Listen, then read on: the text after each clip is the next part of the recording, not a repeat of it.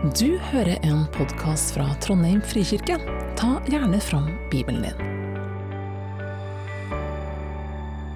Dagens tekst er fra Johannes 13, 1-17. Det var like før påskehøytiden, og Jesus visste at hans time var kommet da han skulle gå bort fra verden og til sin far. Han hadde elsket sine egne som var i verden, han elsket dem helt til det siste. De holdt måltid. Djevelen hadde alt gitt Judas, sønn av Simon Iskariot, den tanken i hjertet at han skulle forråde ham. Jesus visste at far har gitt alt i hans hånd, og at han var utgått fra Gud og gikk til Gud. Da reiste han seg fra måltidet, legger av seg kappen, tar av seg et linklede og binder det om seg. Så heller han vann i et fat og begynner å vaske disiplenes føtter og tørke dem med linkledet som han hadde rundt livet. Han kommer til Simon Peter. Peter sier, 'Herre, forsker du mine føtter?' Og Jesus svarte, 'Det jeg gjør, forstår du ikke nå, men du skal forstå det siden.' Aldri i evighet skal du vaske føttene mine, sier Peter. Hvis jeg ikke vasker deg, har du ingen del i meg, svarte Jesus. Da sier Peter, Herre, ikke bare føttene, men hendene og hodet også. Jesus sier til ham, Den som er badet, er helt ren og trenger bare å vaske føttene. Dere er rene men ikke alle, for han visste hvem som skulle forråde ham. Derfor sa han, dere er ikke alle rene. Da han hadde vasket føttene deres og tatt på seg kappen, tok han plass ved bordet igjen. Og så sa han til dem, Forstår dere hva jeg har gjort for dere? Dere kaller meg mester og herre, og dere gjør det med rette, for jeg er det. Når jeg, som er Herren og Mesteren, har vasket deres føtter, da skylder også dere å vaske hverandres føtter. Jeg har gitt dere et forbilde. Slik jeg har gjort mot dere, skal også dere gjøre. Sannelig, sannelig, jeg sier dere, tjeneren er ikke større enn Herren sin, og utsendingen er ikke større enn han som har sendt ham. Nå vet dere dette, og salige er dere så sant dere også gjør det. Amen. De siste ukene har det vært eh, litt skriverier i eh, Kanskje ikke i Adresseavisa, men eh, i alle fall i Vårt Land og ei anna avis om en kanskje skulle ha innført fotvasking som et ritual i kirka. Den norske kirke har noe som heter en nemnd for gudstjeneste. Og Denne nemnd for gudstjeneste har foreslått at en skal kunne ha fotvasking som en del av gudstjenesta. Eh, jeg vet ikke hva dere tenker om det. Når jeg hørte det, så tenkte jeg oi, jeg vet ikke helt det der. Eh, hvordan ville det bli i våre eh, kirkerom? Eh, nå har jeg kjørt i hele dag fra Sykkylven. Hatt de samme skoene på hele dagen. Hvordan ville det bli hvis vi tok av oss dem? Hvordan hadde det lukta her hos oss? Men så slo det jo meg at når jeg liksom kjenner litt sånn Nei, dette må ikke vi gjøre. Eller dette er litt sånn ukomfortabelt. Så sier jo det noe om meg sjøl gjør ikke det det? Nemlig at jeg vil helst bare ha det som er komfortabelt og enkelt og greit. Det avslører jo at eh, det som er ubehagelig, det skyr vi helst unna. Slik disse disiplene denne kvelden eh, satt eller De satt jo ikke ved bordet, de lå ved bordet og venta på at noen skulle ta den sure jobben å vaske føttene. Fordi det var jo slik at Når du ligger ved bordet, så ligger jo føttene omtrent opp i ansiktet ditt. Og Du hadde gått, og du var støvete og sandete. Og Det å ha sandete, støvete føtter opp i ansiktet når du skal spise, er jo ikke særlig behagelig. Så det var helt nødvendig at noen gjorde det. Men alle tenkte ja, det er ikke min jobb. Og det var det nok heller ikke, fordi det å vaske føttene før et måltid det var en slavejobb. Ikke en jødisk tjener skulle vaske føttene, men en slave, enten en slavekvinne eller slavebarn, de skulle vaske føttene.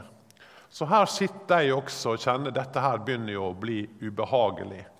Hvem skal gjøre dette når vi ikke har en slave i huset?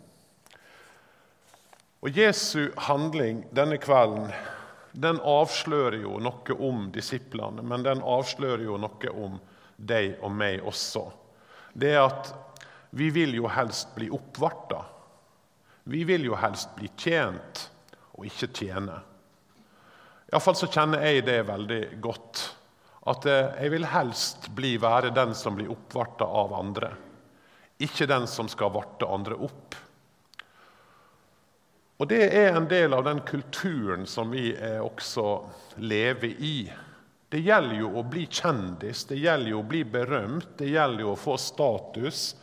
Det gjelder jo å bli ei stjerne. Hvem vil være en slave? Hvem vil være en tjener i vår kultur? Ingen vil det. Men I møte med Jesus så blir vi utfordra, fordi Jesus han kommer og så snur han veldig mange ting på hodet. Han sier sånn som det er hos dere, skal ikke det være hos oss i Guds rike. Og denne kvelden under måltidet, når de sitter og snakker egentlig om dette her For disiplene det leser vi jo flere ganger når vi leser om dette siste måltidet. At en av tingene de snakka om under dette måltidet, det var hvem av dem som var den største. Hvem er den viktigste? Hvem er den flinkeste? De satt ganske enkelt og snakka om et tema, og Jesus bryter inn, og så snur han det opp ned og så sier han at slik skal det ikke være hos oss. Slik skal det ikke være hos dere. Den største av dere skal være som den yngste, og lederen skal være som en tjener. Disiplene hadde begynt å krangle om hvem som var størst, og Jesus viser dem at i Guds rike er det omvendt. I verdens rike er det konger og herskere som er den største. Men i Guds rike er det den minste som er stor. Og slik jeg kom for å tjene, skal dere også tjene hverandre. Det er hele essensen i det Jesus gjør. Han sier nå har jeg gitt dere et eksempel. Ikke at det nødvendigvis skal innføre fotvasking som et del av ei gudstjeneste, men et eksempel på en villighet til å tjene også når det koster, også når det er ubehagelig. Og så sier han den som vil følge meg, han må følge mitt eksempel. Den som vil være en disippel, han må være en etterfølger. Han kan ikke bare si ja, jeg syns det Jesus sier og gjør, er mye bra. han har mange kloke ting. Nei, sier Jesus, den som vil følge meg, han må ta korset sitt opp og følge meg. For Den som vil miste livet sitt, han skal berge det. Og Den som, liv, den som eh, mister livet for min skyld, han vil berge det. Han snur opp ned på alt og sier å følge meg, det kan koste. Dietrich Bonhoeffer, som jeg, og jeg har sitert flere ganger, han har jo skrevet en egen bok om etterfølgelse. I den boka så skriver han veldig mye klokt og veldig mye tankevekkende. Og veldig mye utfordrende om det å følge Jesus og være en etterfølgelse. Han sier nettopp på dette punktet så ser vi forskjellen på kristendommen som en idé, kristendommen som en religion, og på sann kristendom. Og så sier han det at En Kristus-idé, et læresystem, en allmenn religiøs erkjennelse av nåde eller tilgivelse gjør ikke bare etterfølgelsen unødvendig, men utelukker den og blir dens fiende. Kristendom uten den levende Jesus Kristus blir med nødvendighet en kristendom uten etterfølgelse, og en kristendom uten etterfølgelse er og blir en kristendom uten Jesus Kristus. Jesus sier, 'Nå har jeg vist dere et eksempel. Følg meg. Følg mitt eksempel.' Og Disiplene hadde jo vanskelig for å forstå dette her. Og vi har vanskelig for å forstå det. Fordi vi noen ganger, tenker jeg, tror at Jesus kom for å på en måte ja, eh, at han eksisterer for å følge oss. At han er der for å tilfredsstille våre behov og våre ønsker og det vi trenger til enhver tid. Og at bønn da blir på en måte et slags instrument som skal få Jesus til å oppfylle våre behov og ønsker om fred og lykke og velstand og et behagelig liv. Og så snur Jesus ting på hodet. Og så sier han det at den som vil være stor blant dere, skal være tjeneren deres. Og den som vil være først blant dere, skal være slaven deres. Slik er heller ikke menneskesønnen kommet for å la seg tjene, men for selv å tjene og gi sitt liv som løsepenge for mange. Og denne kvelden, før han går ut og gir sitt liv som en løsepenge for mange, så gir han oss altså et eksempel, et forbilde. Han viser i praksis hva dette her er. Forstår dere, sier han, hva jeg har gjort for dere? Dere som kaller meg mester og herre. Og dere gjør det med rette, for jeg er det. Men når jeg, som er herre og mester, har vaska dere sine føtter, ja, så skylder også dere å vaske hverandres føtter. Ikke bare bokstavelig, men overført betydning. Dere skylder å tjene hverandre. Jeg har gitt dere et forbilde. Slik jeg har gjort mot dere, skal dere gjøre. Å følge Jesus er å følge Han i tjeneste. For hverandre og for Gud. Det er ikke sikkert det betyr som jeg sier, fotvasking. Dere ser jeg prøver å unngå det der, for jeg ser ikke helt for meg hvordan vi skulle få det der til. Kanskje etter jeg har slutta, gått av med pensjon, så blir det innført i Trondheim frikirke. Men, men, uansett, det er ikke det det handler om. Men det er nok av utfordringer, det er nok av muligheter til å gjøre godt mot andre. John Wesley, han, han som grunnla metodistbevegelsen, det var jo en, en, en enorm vekkelse som han leda. Det var jo så utrolig masse folk som ble kristne under den vekkelsen. Og Han forkynte, og han leda dem. Og han sa en gang at eh, når det gjaldt dette temaet, her, så sa han det at det gjør alt godt du bare kan. På alle måter du kan. På alle plasser du kan. Gjør alt det gode du kan til alle tider, mot alle mennesker, så lenge du kan. Kort sagt gjør godt. Tjen andre. På alle mulige måter og på alle mulige tidspunkt og til alle slags mennesker. Det er et annerledes liv, og derfor trenger vi å hjelpe hverandre. Vi trenger å oppmuntre hverandre, men vi trenger også å på en måte inspirere hverandre. Og når dere så dette eh, ja, eh, informasjonen om denne godhetsaksjonen så er det ikke fordi at en skal tenke at ja vel, 7. mai, da gjør vi godt, så slipper vi å gjøre det resten av året. Nei, det er tvert imot. Tanken med 7. mai er jo å være med på å øve oss, trene, slik at vi kan gjøre det alle andre dager i året også. Jeg var med før vi stengte ned eh, for korona på en sånn dag. Og det var egentlig utrolig kjekt. Det ga en glede å være med å kunne gjøre noe godt mot andre. Det er et annerledes liv Jesus kaller oss til.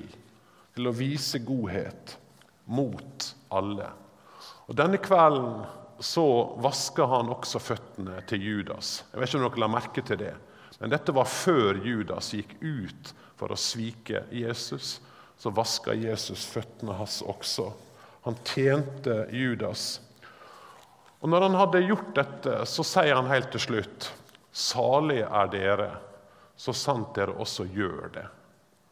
Salige er dere når dere gjør dette.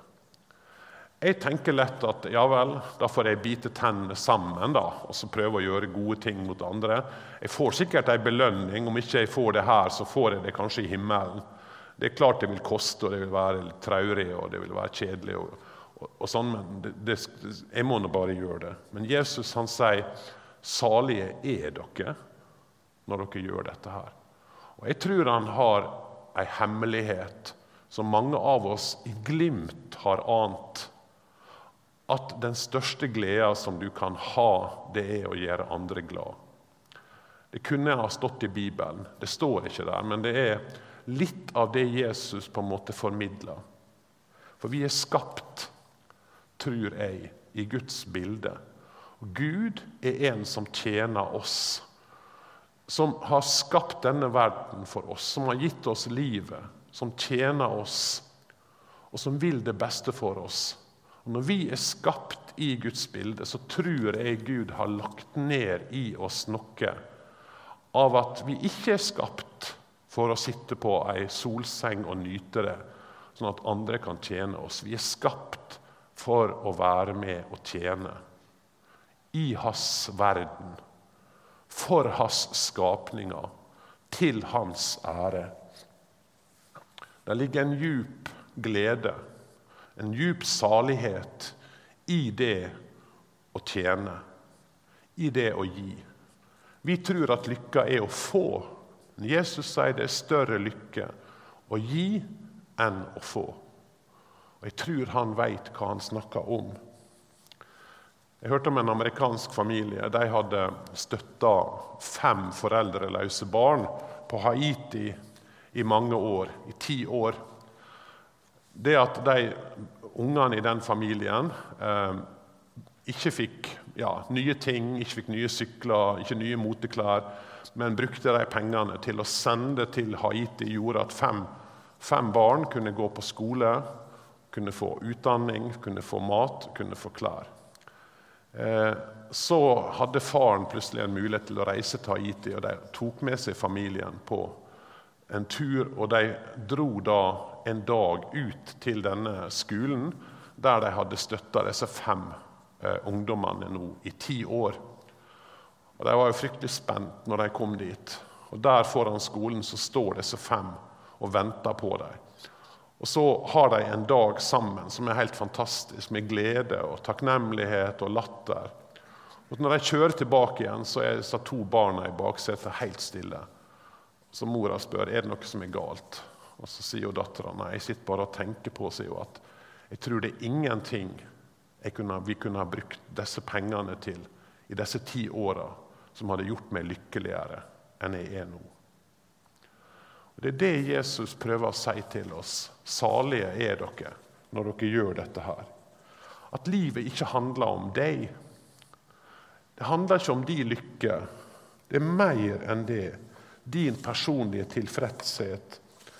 Hensikten med livet er mye mer enn familien vår, enn karrieren vår, enn inntekten vår. Hvis du vil finne hensikten med livet, så må du begynne i Gud. Og den Gud har skapt oss til, og den Gud ønsker at vi skal være på denne jorda. Han som kom ikke for å bli tjent, men for sjøl å tjene og gi livet sitt som løsepenger for mange. Jeg tror Når vi tenker oss om, så, vi, så skjønner vi at Jesus er inne på noe her som vi helst vil skyve unna, for det er mer behagelig selvsagt, å bli tjent enn å tjene. Lee Strobel, som var, for så vidt var pastor også i Willow Creek, men som før han ble pastor, så var han journalist i Chicago Tribune, og Han skriver i en av bøkene sine om at uh, han, han, samtidig, mens han jobba som reporter i Chicago Tribune, så laga han en reportasje om Madonna. Samtidig som han laga en reportasje om Bora Teresa. Han jobba med disse to reportasjene parallelt. Og Det var en ganske spesiell opplevelse, sier han. Fordi Madonna, eh, som sier at hun bruker livet for å tilfredsstille seg sjøl og gjøre det hun har lyst til å gjøre Ikke bare er hun ulykkelig, fortalte hun. Hun sa at eh, hun ikke engang kjente en lykkelig person. Og så flaug han også til eh, Manila, intervjua moder Teresa og de andre nonnene som jobba der i slummen. Og de strålte ut noe helt annet. Og så sier han livet deres er tøft og barskt. Men jeg har aldri i mitt liv møtt slike herlige, lykkelige mennesker eller opplevd en slik stemning av absolutt glede som det var der. Jesus tok av, ga avkall på sitt eget, tok på seg en tjeners skikkelse. Han tok linkledet og bandt rundt seg, og så gikk han og tjente dem med den mest fornedrende oppgaven du kunne tenke deg. Dette er skjærtorsdag kveld. Den kvelden han også innstifter nattverden. Den kvelden han går ut for å bli tatt til fange, for å lide og dø. Og Denne teksten forteller oss noe viktig om nattverden. Vi skal feire nattverd nå sammen. Når Jesus bruker dette eksempelet, så forteller han noe om hva nattverden er. For når han kommer til Peter, så sier Peter at eh, som vanlig så protesterer han at du får ikke vaske mine føtter. Og Jesus sier at hvis ikke du får vaske dine føtter, så har ikke det noe med meg å gjøre. Og Da blir jo Peter veldig ivrig, så han sier at ja, men da kan du jo vaske hele kroppen da, når du først er i gang, når du vil tjene meg. Så flott. Og så sier Jesus en litt merkelig setning. At uh, den som er bada, er helt rein. Det ordet der det er et ord som Paulus bruker igjen seinere, når han snakker om dåpen. I Titus 3,5 så sier han han frelste oss ved badet, som gjenføder og fornyer ved Den hellige ånd. I dåpens bad blei vi helt reine. Og det gjorde Jesus. Vi fikk Den hellige ande. Vi blei Guds barn. Men så er det altså sånn at i livets vandring så er det mange ting som skitner oss til. Du vandrer rundt, og du blir svart, og vi veit hvordan det er å ha ei svart samvittighet, hvordan det er å føle seg svart innvendig. Og På vandringa gjennom livet trenger vi igjen og igjen å bli rensa fra det som har gjort oss svart. Og det her nattverden er en fantastisk gave.